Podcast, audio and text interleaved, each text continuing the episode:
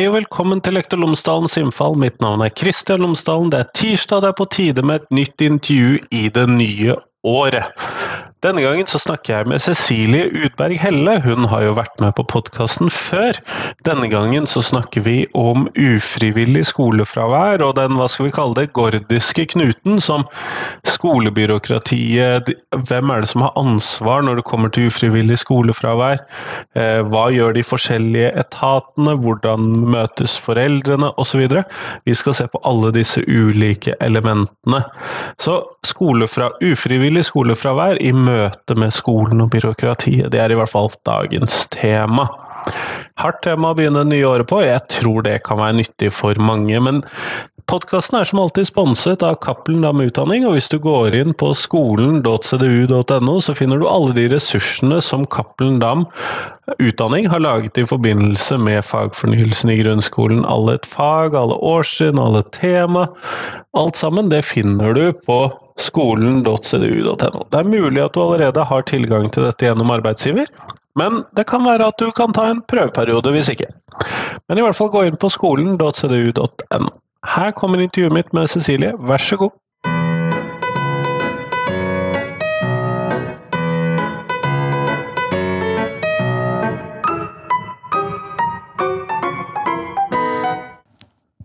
Cecilie Udberg Helle, tusen takk for at du er tilbake på podkasten min. Eh, jo, bare hyggelig.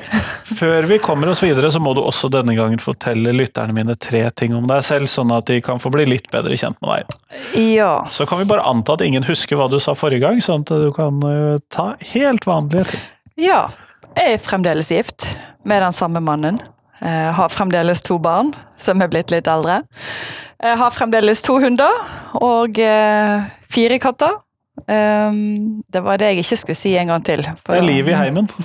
ja, det er liv i heimen. uh, jeg, ja, barna er jo da flytta hjemmefra, så jeg er jo da uh, hva skal jeg si, barn, barnløs i hverdagen. Det er jo litt uh, ny opplevelse.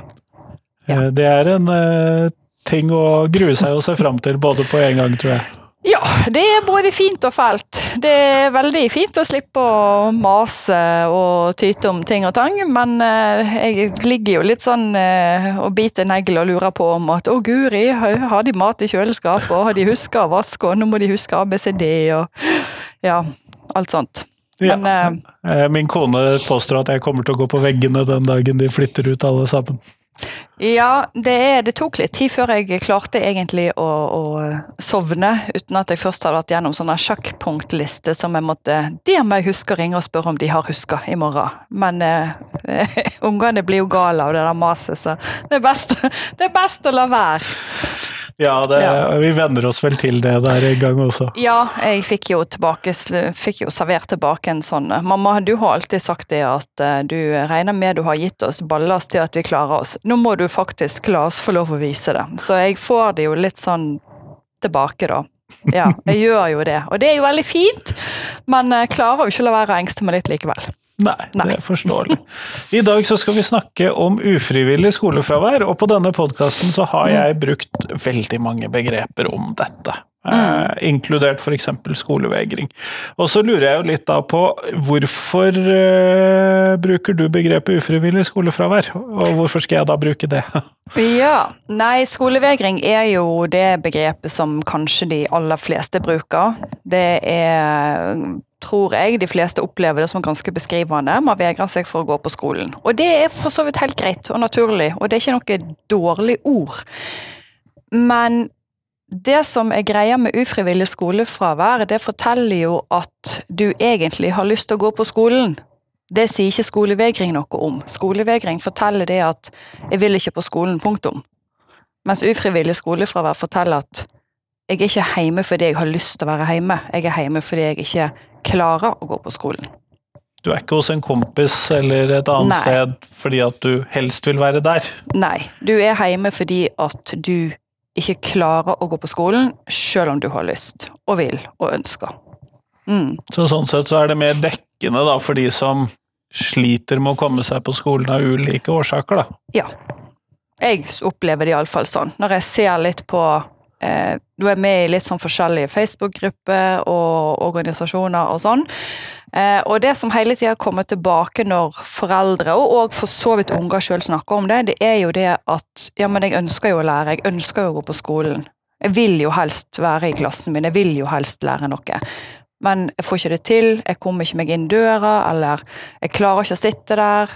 Så det er noe med at det er ikke det at de ikke har lyst på skolen som er problemet. Og da tenker jeg at ufrivillig skolefravær er et mer dekkende begrep. Men når vi da, fordi at dette er jo et begrep som vi da trenger å eh, vite noe om, vi som lærere. For det er jo ikke så ofte vi støter på det som hverdagslæreren eh, ute i Nei, klasserommet. Det er vel bare de siste par årene det egentlig har kommet litt sånn mer og mer. Mm. Eh, vet vi noe om omfanget på dette? Skolefravær? Ja. Ja, altså en anslår Det er ufrivillige, jo, da, Det er ufrivillig, ufrivillige. Man anslår vel at ca. 28% av elevmassen på et eller annet tidspunkt er vekke fra skolen uten at de nødvendigvis ønsker det sjøl. Eh, der er ikke noen gode tall på Norge, men der er jo sagt at en regner med at en plass mellom 3-4% er vekke til enhver tid. Eh, det var gjort en undersøkelse av jeg tror Håvik var en av de som var med på den i 2015. Eh, der en hadde funnet ut En hadde vel sjekka var vel sjette til tiende klasse, tror jeg. Og det var 3,6% fravær. Så hvis en ser litt på det en får av de her ulike undersøkelsene som har vært gjort i Norge det siste Ja, fra 2012-2013 oppover, så, så er det i snitt kanskje en elev i hver klasse på et eller annet tidspunkt som er vekke. Eh, og som er vekke fordi de ikke orker eller klarer emosjonelt sett å gå på skolen. Så det er ganske mange unger. Ja, det, det blir jo en del unger med én i hvert unger. klasserom. Ja. Eh, Men når vi da fordi at det, når dette oppstår, eller eh, Mm. eleven begynner å være borte litt, og det har vært litt over tid, og man innser at man For det Mm. tar vel kanskje ofte litt tid før man begynner å ta tak i det, vil jeg tro. Ja, fordi at veldig ofte for veldig mange så begynner de jo med de her uforklarlige vondtene. sant? Mamma, jeg har litt vondt i hodet, eller føler ikke meg bra, eller jeg har litt vondt i magen. sant? Og så blir man hjemme en dag eller Ja. to, også. Ja, og så eskalerer det. Um, dette her er jo gjerne unger der som man eh, kanskje ikke har mistanke om at det kan være en psykisk vanske, altså en angstdiagnose eller den type ting, eller mobbing. Det kan være noe som man ikke klarer å finne ut av til å begynne med. Eh, og så er man gjerne gjennom fysiske utredninger. sant? Går til lege. ja, Ungen har stadig vekk vondt i hodet og stadig vekk vondt i magen, og uforklarlige vondter både her og der, og det blir sjekka både syn og hørsel og, og allergier og alt mulig. Eh, og der er ingen forklaring. Og likevel så har jo de alle de her ondtene. Og så ser en jo òg ofte at eh, det tiltar etter ferie. sant? Fridager, eh, skoleferie, høstferie, sommerferie er typisk sånne her hopp da det øker opp. alle disse overgangene. Yes. Alle overgangene. Mm. Da øker det. Da er det lettere å være hjemme. Ja. Da har en vært hjemme, og det er trasig å komme i gang. Mm. Mm. Men fordi at det fordi at ofte så For jeg er jo også medlem av noen av disse gruppene, Mm. har jeg jo blitt over tid, for temaet Mm. har jo dukket opp på podkasten en gang eller to allerede. Mm. Og så virker det jo som om det er en ganske sånn stor uenighet om hva det skyldes, og det oppleves som at man tidvis legger eh, ulike grupper litt legger skylden på hverandre, eller ansvaret på hverandre, og vi ser Mm. at eh, for, eh, foreldre opplever å bli meldt til barnevernet, og vi ser at foreldre klager over at skolen ikke forstår, eller at skolen utløser dette, og at eh, Mm. Mm. det oppleves som at en del tid går med på å snakke om hvem har skylden for de ulike situasjonene. Det gjør det jo, eh, og det er, jo- det er jo det som er litt av problemet med eh, ufrivillig skolefravær, er jo at det er så komplekst. Det er så utrolig mange ting som kan forårsake det. Det er så sammensatt, og samtidig så er det så ekstremt individuelt. Eh, sånn at eh, det går ikke an å peke på én ting og si at det er årsaken. Eh, I noen tilfeller så kan man kanskje si at ok, her har vi en eh, et barn som er, er mobbeoffer, eller her har vi et barn som har en lese- og skrivevanske som er så stor at eh, det forklarer mye av grunnen til at barnet ikke ønsker klarer å gå på skolen. Um, det kan være psykisk sykdom eh, i heimen eller rus. Altså, av og til så finner du noen som er veldig sånn konkrete. Du kan si at ok, her har vi faktisk en sterkt medvirkende faktor. Men man kan aldri si at det er den ene medvirkende faktoren, eller den, at det er den eneste. For det er jo alltid et samspill mellom flere faktorer. Så du har jo barn som vokser opp som, hva skal jeg si, løvetannbarn. Og som likevel klarer seg, og kommer seg på skolen. Eh, og møter opp og jobber og gjør det bra. Eh, så det handler jo òg litt om de iboende risikofaktorene i hvert enkelt barn. Og der er vi jo alle ulike. Du kan jo ha barn med, med lav resiliens fra ressurssterke heimer, der ingenting i utgangspunktet skulle tilsi at det barnet ville ende opp med å ikke gå på skolen, men det gjør det likevel fordi at barna har lav resiliens, og så er det en del faktorer i tillegg som kommer inn, og så blir det veldig mange bekker små. Og til slutt så er det et eller annet som utløser det, og gjør til at det barnet ikke klarer på skolen. Men om det er noe som har skjedd på skolen, eller om det er noe som har skjedd eh, i barnet, eller om det har, er noe som har skjedd hjemme, det er veldig vanskelig å si. Det er ikke alltid man klarer å finne ut av det. Så kanskje man skal prøve å dreie fokuset litt vekk fra hvor problemet ligger, og heller se på i hvilke sammenhenger det her oppstår, og prøve å gjøre noe med de sammenhengene og de faktorene som man ser at faktisk påvirker, på de arenaene man har mulighet til å gjøre noe. Ja, for det er vel ofte lettest å gjøre noe med selve eh, klassesituasjonen og hjemmesituasjonen, men i tilfelle dette har kanskje egentlig et opphav i en eller annen fritidssituasjon, så er det kanskje Mm. vanskeligere. Ja, og derfor så er det litt sånn å, å, å skulle peke på noe og si at det er grunnen. Så nå må vi bare fikse det, så blir alt bra. Så det kan man ikke gjøre. Og spesielt ikke hvis det har pågått over tid. For du har jo barn som kan utvikle angst pga. en situasjon, f.eks. på skolen. Eh, Det er jo ikke hjelp i at det barnet får behandling for den angsten, hvis ikke man samtidig gjør noe med situasjonen på skolen. Og så har du barn som er veldig engstelige fra naturens side, og som kanskje har angst og utvikler angst eller har den diagnosen før de begynner på skolen. Og at eh, selv om skolen da kanskje er en positiv forsterker på de bra tingene, så er ikke det nok fordi at barnet i seg sjøl er så angstfylt. Så, så alle de her tingene her eh, påvirker jo hverandre og er en del av en større sånn økosystem. Så du kan, ikke, du kan ikke gå inn og si at sånn og sånn og sånn og ferdig. Det går ikke. Det høres jo relativt komplisert ut både for uh, Hvis jeg skal ta på meg lærerhatten eller Mm. foreldrehatten eller uh, medmenneske i samfunnet-hatten eh, Alle hattene mine syns egentlig dette Mm. høres litt komplisert ut. Men det er komplisert. det er jo det, det, er det som er, det det Så det er riktig oppfatta. Ja, men det er det som er problemet. Og så er det sånn at eh, Der er jo ikke til å stikke under en stol at veldig mange som jobber i skolen og i barnehage, for vi har òg frivillig barnehagefravær, eh, de sier sjøl at 'jeg kan ikke noe om det her', jeg veit ikke noe om det. Jeg føler at jeg har ikke kunnskap nok til å gå løs på den saken eller det barnet eller den eleven i min klasse. Eh, det, var, det er en undersøkelse fra Den er jo så sent som 2020, Amundsen blant annet, der de hadde altså intervjua lærere i seks fylker. Eh, og samtlige av de lærerne sier at de kan ikke nok om skolefravær. Det syns jeg er ganske påtagelig, når alle de som er spurt, svarer dette kan ikke vi nok om. Så det sier noe om kunnskap, behovet for mer kunnskap i skolen, det er nå én ting. Men òg i systemet. Det at det der er eh, en bedre oversikt over de ulike faktorene og hvordan de påvirker hverandre i systemet. For det tror jeg heller ikke det er. For hvis du går inn og ser litt på de ulike aktørene som er inne i en sånn sak, eh, så skolen er én, PPT, BUP, eh, barnevern gjerne. Eh, så, og fastleger, koordinerende eininger, fraværsteam, altså miljøterapeuter, hva som helst. Det er veldig mange forskjellige aktører inne i ulike saker. Eh, og hvis alle de sitter og føler litt på at uh, jeg kan egentlig ikke nok om det her, jeg føler ikke meg helt på trygg grunn, så blir det en del synsing, det blir en del avgjørelser som kanskje blir tatt litt i hurten og styrten. Eh, der er kanskje ikke en som sitter og syr sammen det her, eller koordinerer det, så du kan sitte med masse kjempedyktige fagfolk som sitter på hver sin lille holme, og så klarer man ikke å bygge bro mellom de her holmene, fordi at det er ikke noen som eier det problemet her.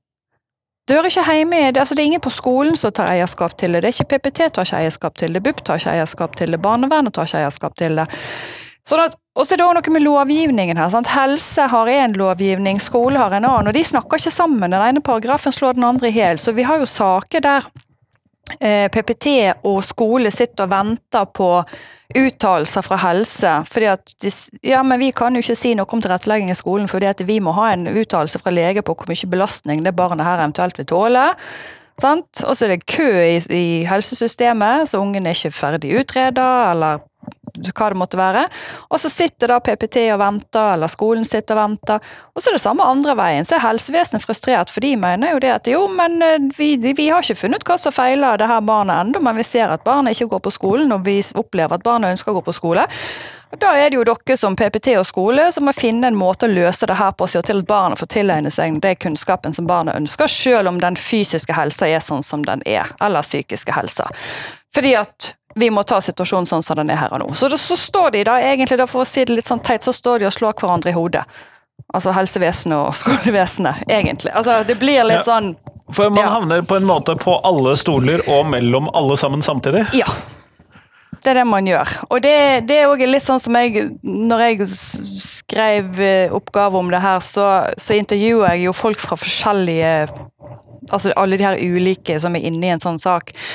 Eh, og da Lærerne sier jo, som, som, jeg har sagt før, at føler det her kan jeg ikke noe om, og uansett så stanger jeg hodet i veggen.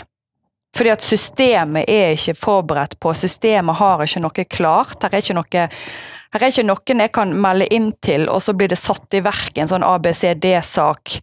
Fordi at Det er ikke noe pakkeforløp, for å si det, sånn? Nei, det er ikke noe pakkeforløp. Og så er litt av problemet at det kan ikke du lage heller. Fordi at hver sak er så individuell. Og så, sant, og så de som jobber på PPT, de er gjerne litt sånn småfrustrerte òg, fordi at, eh, som de sier ja, men hvis at eh, eh, Det står jo at opplæring skal tilpasses hver elev sine evner og behov, og det ligger innenfor opplæringslovens paragraf 1-3, det er ikke vårt bord, sier PPT. Og så sier skolen ja, men vi vet ikke hva vi skal gjøre. Og så står de to og diskuterer seg imellom. Sant? Mens PPTs oppgave er jo å hjelpe skolen å legge til rette selv om det ikke er et spesialpedagogisk vedtak. De skal jo faktisk rådgi selv om det er bare i gåsehauget 1-3. Det skal de jo. Selv om det bare er normalundervisning, egentlig? Egentlig, så skal de jo det. Men så er jo, er jo tingen saken sånn, da, at uh, det er nok kø til over taklistene på de andre sakene som krever spesialpedagogiske vedtak og utredninger. Så PPT har ikke kapasitet. Så der er, der er på en måte, der er én propp i systemet. Eh, og så er det nok en del PPT-ansatte òg som eh, står litt sånn knallhardt på at vi skal ikke inn i 1-3. Vi skal ikke gjøre sånn, vi skal ikke gjøre slik. Eh, men det, det, skal de altså. Det kan de. Det er ingen lov som sier at PPT ikke kan rådgi på 1-3. De skal jo kunne rådgi på tilpasset opplæring. Og så har du folk som jobber i BUP som er kjempefrustrerte, for de opplever at skolen og PPT kanskje sitter og venter på at BUP skal komme med en sånn mirakeloppskrift.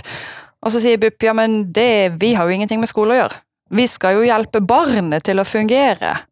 Eh, og vi kan kanskje si at barnet trenger sånn og sånn, men det er ikke vi som skal lage det til. Det her skal jo foregå på skolen.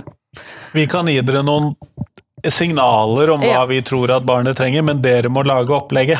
ja, det er, jo det er jo det BUP kan si, men den ballen sender de da kanskje til, til PPT, sant? som da må hjelpe skolen å lage det opplegget. Men så står de liksom mot hverandre igjen. Sant? Hvem er, hva er hvem sitt ansvar, hvor mye forventer dere at vi skal gjøre? Eh, hva har vi ressurser til, hva har vi kunnskap til? Så det er sånn Jeg vet ikke helt hva jeg skal kalle det.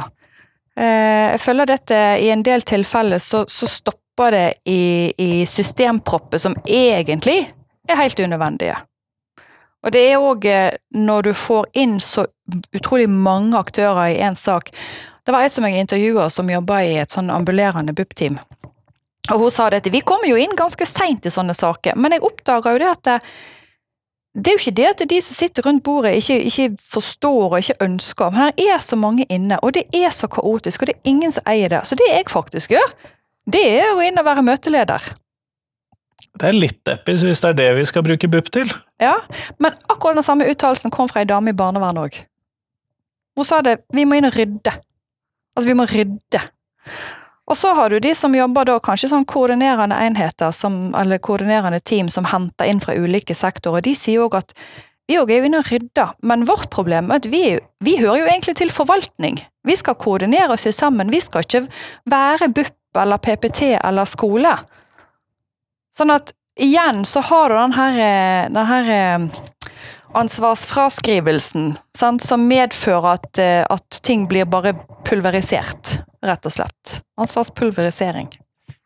Men etter, fordi at da har jo du intervjuet en hel del ulike aktører for denne Mm. masteroppgaven som du har Mm. skrevet knyttet til dette. Og etter de erfaringene og de tingene du har hørt, og de intervjuene du har hatt, og det arbeidet du generelt har hatt i skolen osv. Mm.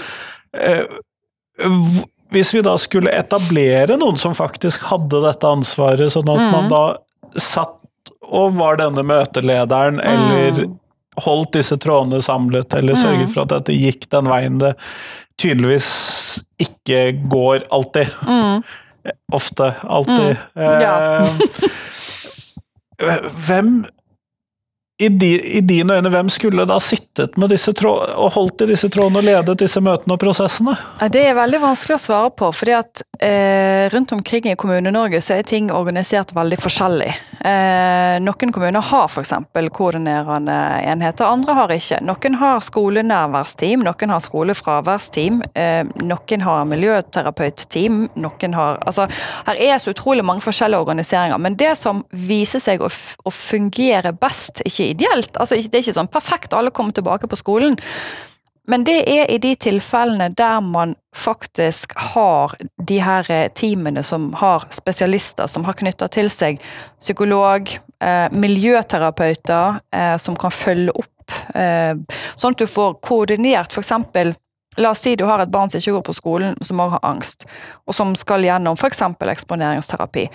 At du har da en miljøterapeut som er knytta til det barnet hele veien, i den tiden det tar å hjelpe det barnet tilbake på skolen. Um, og det kan ta tre måneder, det kan ta tre år, det vet man ikke.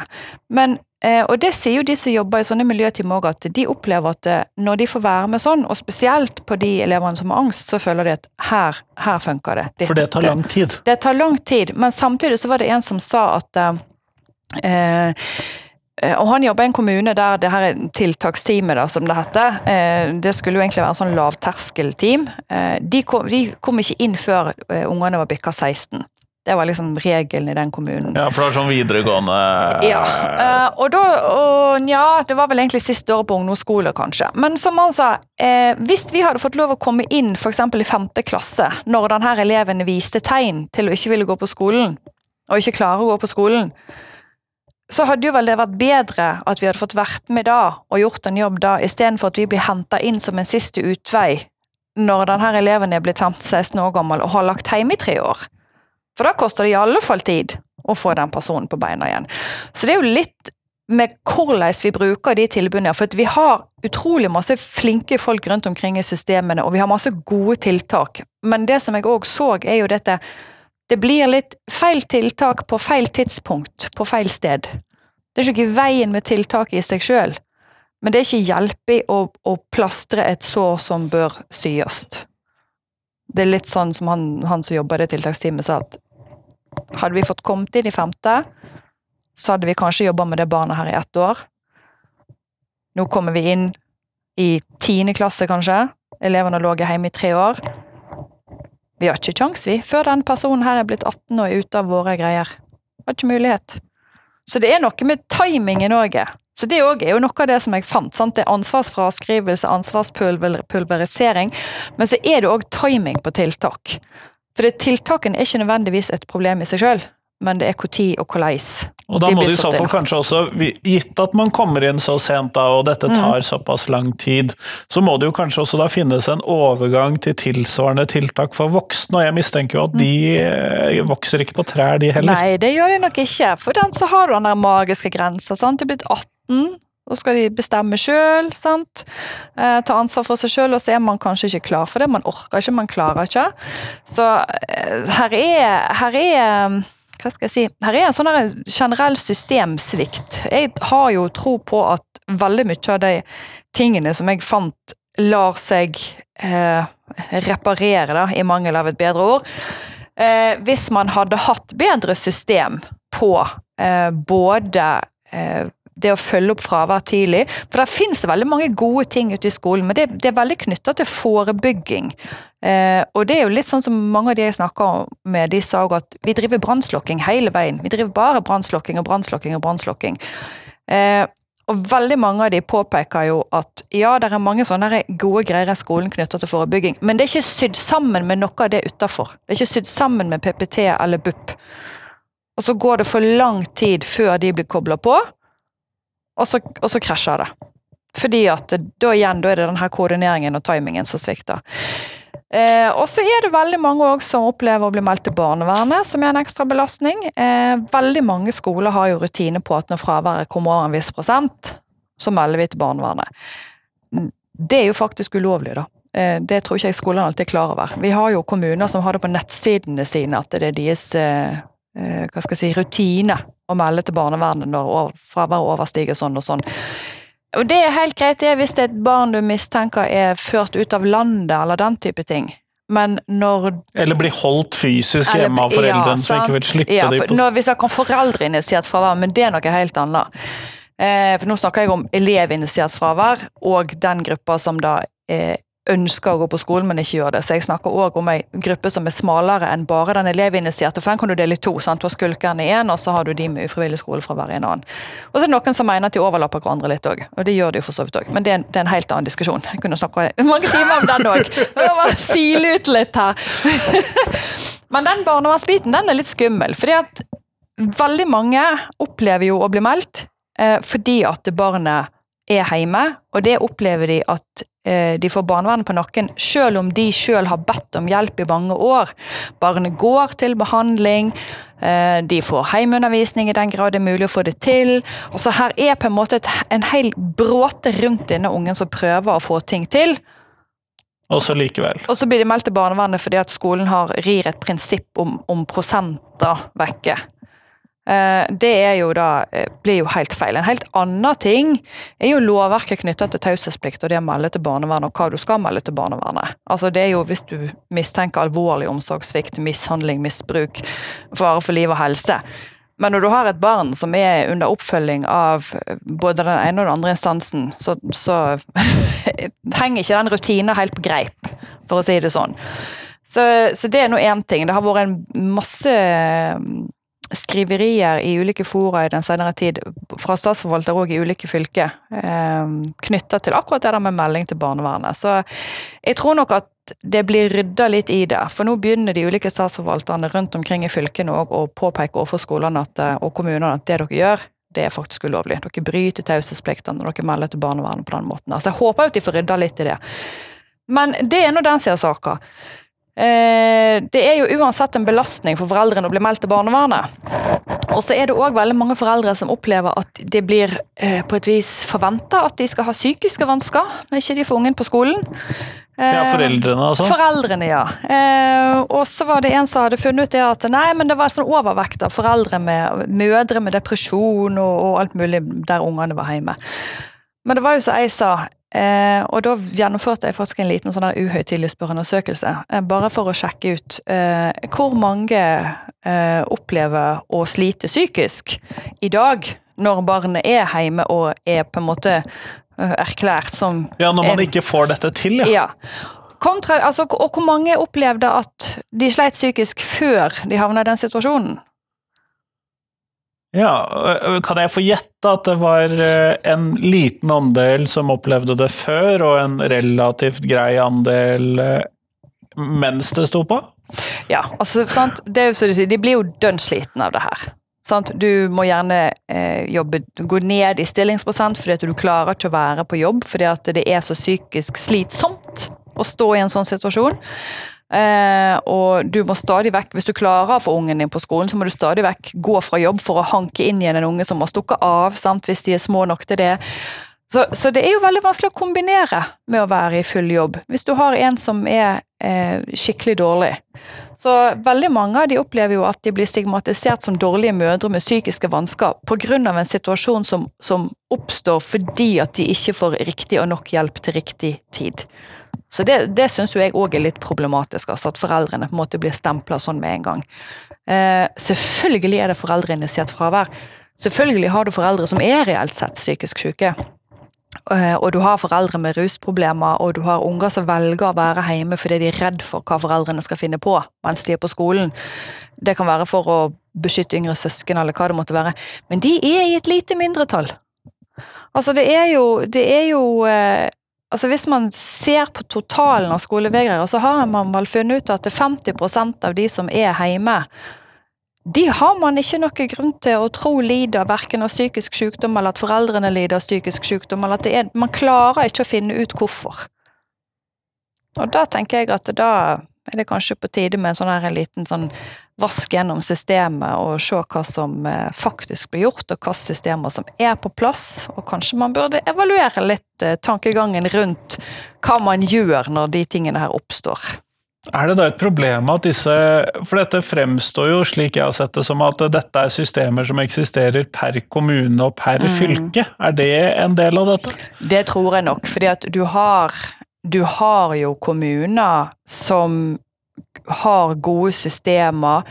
Eh, Du har, eh, sånn som i Sverige, så har du f.eks. spesialskoler knytta til denne elevgruppa, der man blir fulgt opp av miljøterapeuter og, og lærere, og eh, man kan få en kombinasjon av en slags heimeskole, skoleskole. Eh, og de har jo en eh, utrolig suksessrate. De, altså de får de tilbake, selv om det tar lang tid. Eh, og i noen kommuner så har man òg vært veldig åpen for at ok, eh, vi ser at det her ikke går. Ja, kanskje du klarer noen timer for uka, eller en time for dagen. Kanskje du klarer å møte opp en gang for dagen, men du får arbeidet ditt hjem via Teams eller hva det nå måtte være. Eh, og ungene er til stede kanskje i vurderingssituasjoner, eller de gjør innleveringene sine. altså det er Spesielt kanskje de som er på ungdomsskole og videregående. Eh, Sånn at de kan faktisk få vist hva de kan, og de kan få levere ting til vurdering, og de fikser vurderingssituasjoner, og det er ikke, det er ikke grunnlag for å sette IV, for å si det sånn, da. Eh, Og er det noe koronaen har vist, så er det iallfall at dette går an! Dette går an å få til! Så nå er faktisk ikke det der Ja, for vi gjorde jo dette med alle elevene i perioder det siste året. og dette er jo noe foreldre til de med ufrivillig skolefravær har etterlyst i mange, mange år. Og hele tida fått at nei, men det går ikke, nei, det går ikke, det er for vanskelig, det blir for komplisert, det blir for ditt, det blir for datt. Men uh, det argumentet tenker jeg har jo dødd en ganske uh, brutal død uh, i møte med koronaen. Det lar seg gjøre, hvis man bare vil. Men kan vi få til dette innenfor rammene av normalskolen, da? Ja, det tror jeg. Jeg tror det at eh, Jeg ser jo nå at veldig mange bruker jo f.eks. Teams. Det blir lagt ut ukeplaner, og det blir lagt ut dagsplaner. Elevene vet hvilke oppgaver de skal jobbe med til hvilke timer. Om en elev sitter på skolen og har en arbeidstime, eller om en elev sitter hjemme og gjør akkurat de samme oppgavene, jeg ser ikke problemet. Det må være fullt mulig å få til. Eleven leverer innleveringer. Eh, kanskje eleven må møte opp på skolen i prøvesituasjoner, men det går an å få sitte på et eget rom. Bli Så er det jo ikke sikkert at vi skal fortsette med disse her eh, puggeprøvene for alle sammen. Det er det heller ikke, men det å kunne få ta, komme på skolen og ta en muntlig vurdering hvis du får sitte alene, det gjør man jo allerede i skolen sant? Eh, i dag. Man har masse elever, eh, sant? begynner på ungdomsskolen kanskje og skal plutselig ha svære presentasjoner og kjempenervøs. Så kan jeg få ha for deg alene, lærer?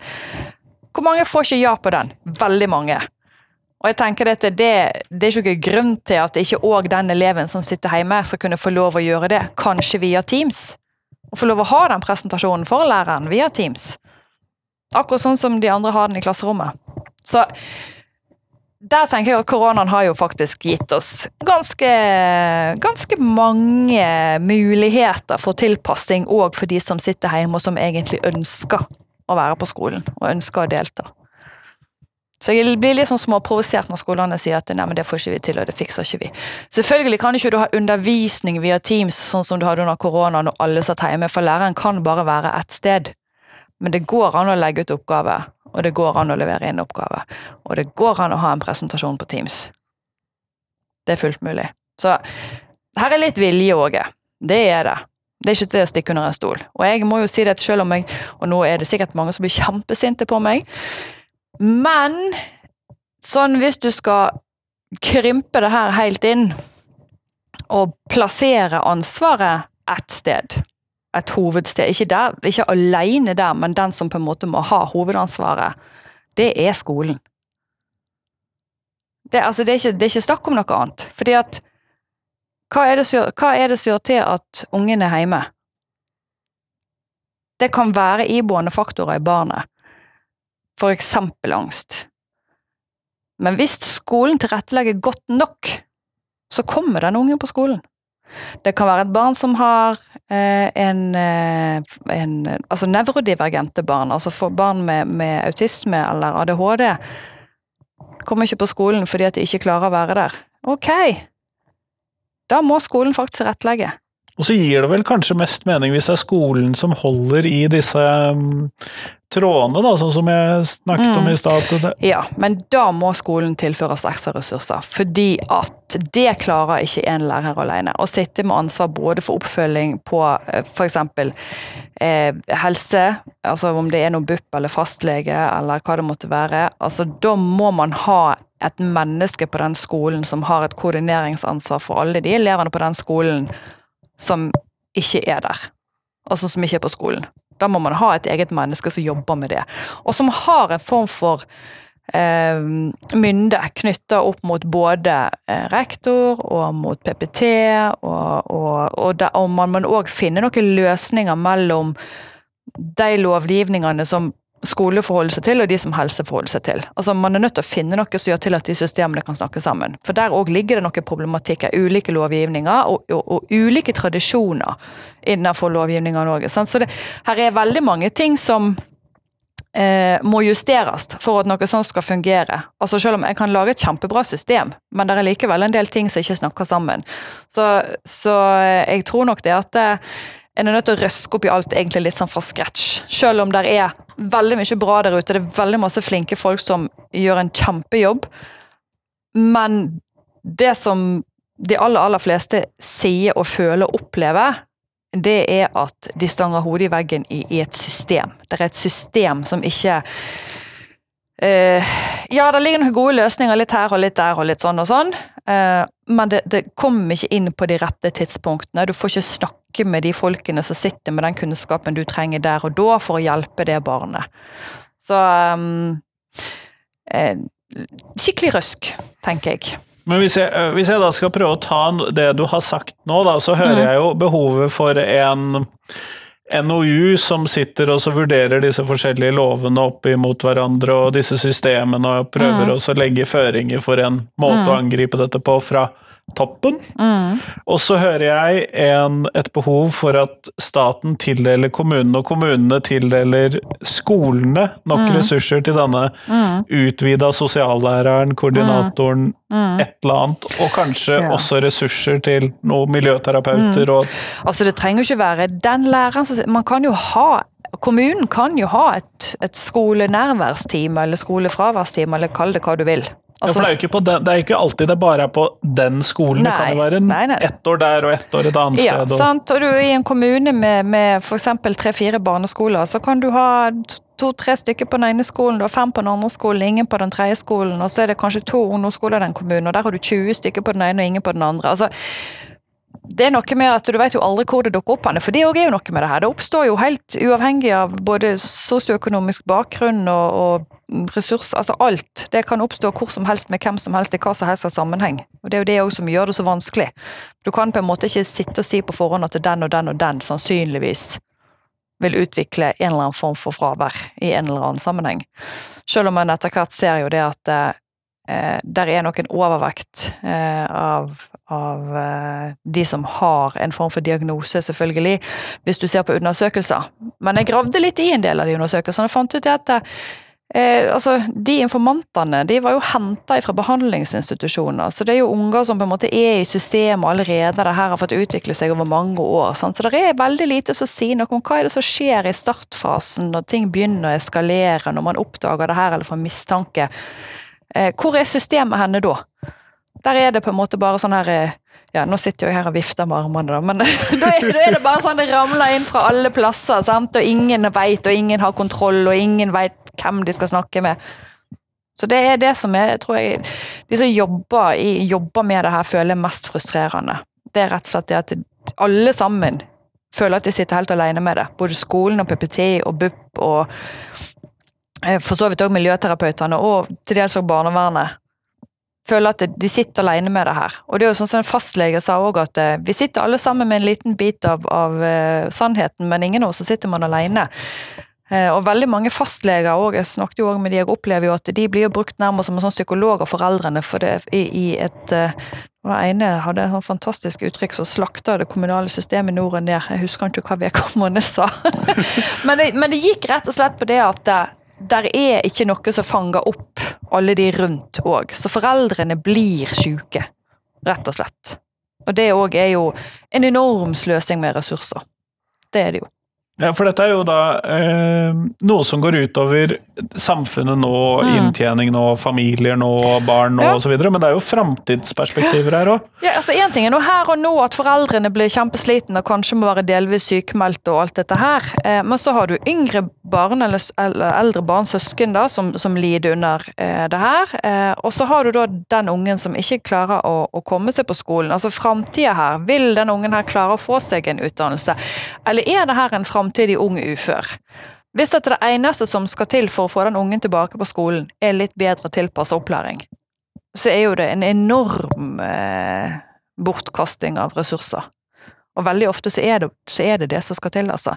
Det, det, det er sikkert mange i skolen som blir litt hissige på meg, men Og jeg sier ikke at, at skolen skal bære ansvar alene, men hovedtilpasningen, den må gjøres der. For det er der læringen òg skal foregå. Og skal man få ungene til å oppleve læringsglede og mestring, og, og klare å gå på skolen sånn emosjonelt sett, så er det jo det som foregår på skolen som må sees på. Er det noe her som ikke fungerer, som gjør til at den ungen ikke klarer å gå på skolen? Og så må man gjøre noe med den saken.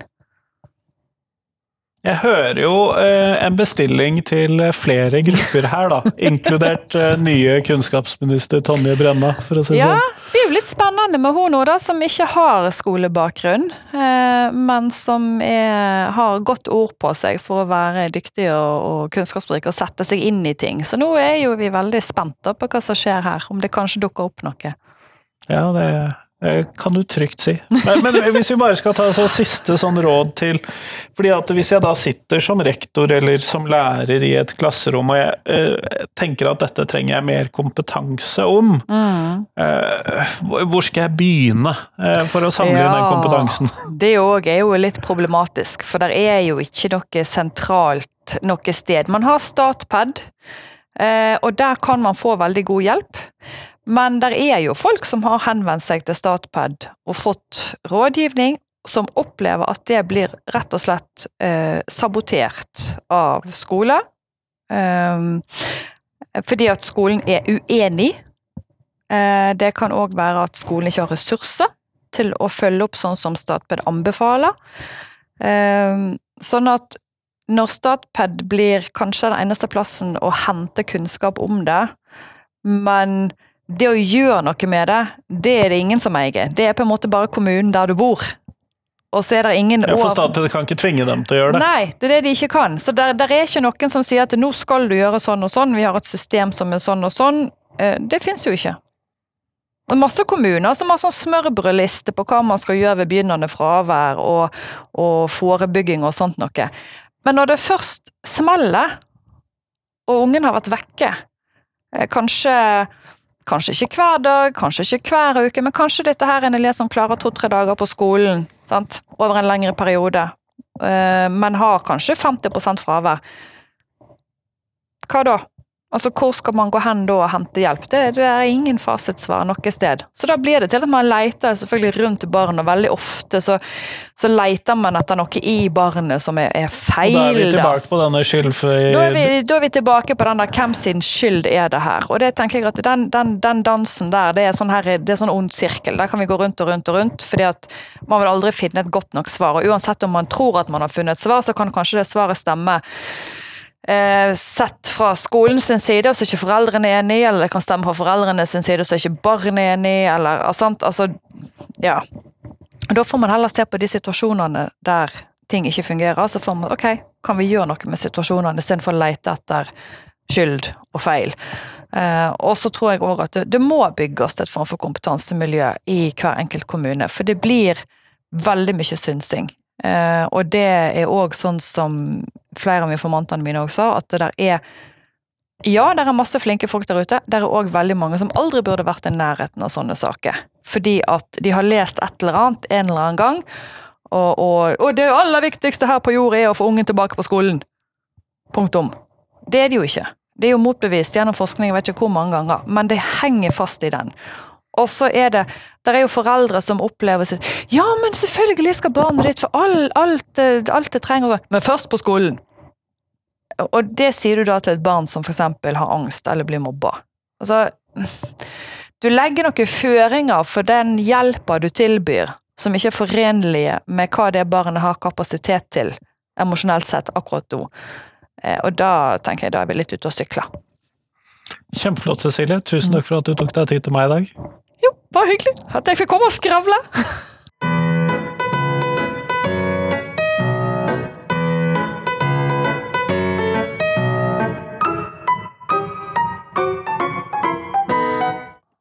Tusen takk til Cecilie, og tusen takk til deg som har hørt på. Nå er det en uke igjen til neste podkastepisode, og vi ser rett og slett også fram mot et nytt år i podkastverden, og det gleder jeg meg utrolig mye til. Samtidig jeg må ha noe å fylle dette året med. Hvem skal jeg intervjue, hva skal jeg intervjue dem om? Er det kanskje deg jeg skal intervjue? Og hva vil du snakke om i så fall? Eh, dette trenger jeg tips om. Send meg tips eh, Røyksignalet fungerer ganske dårlig, men jeg tar gjerne imot tips på e-post, Facebook, øh, brev, overalt. Stort sett. Du finner meg. Men i hvert fall. Nå er vi klar for et nytt år, en ny uke. Ha en fin uke. Hei, hei.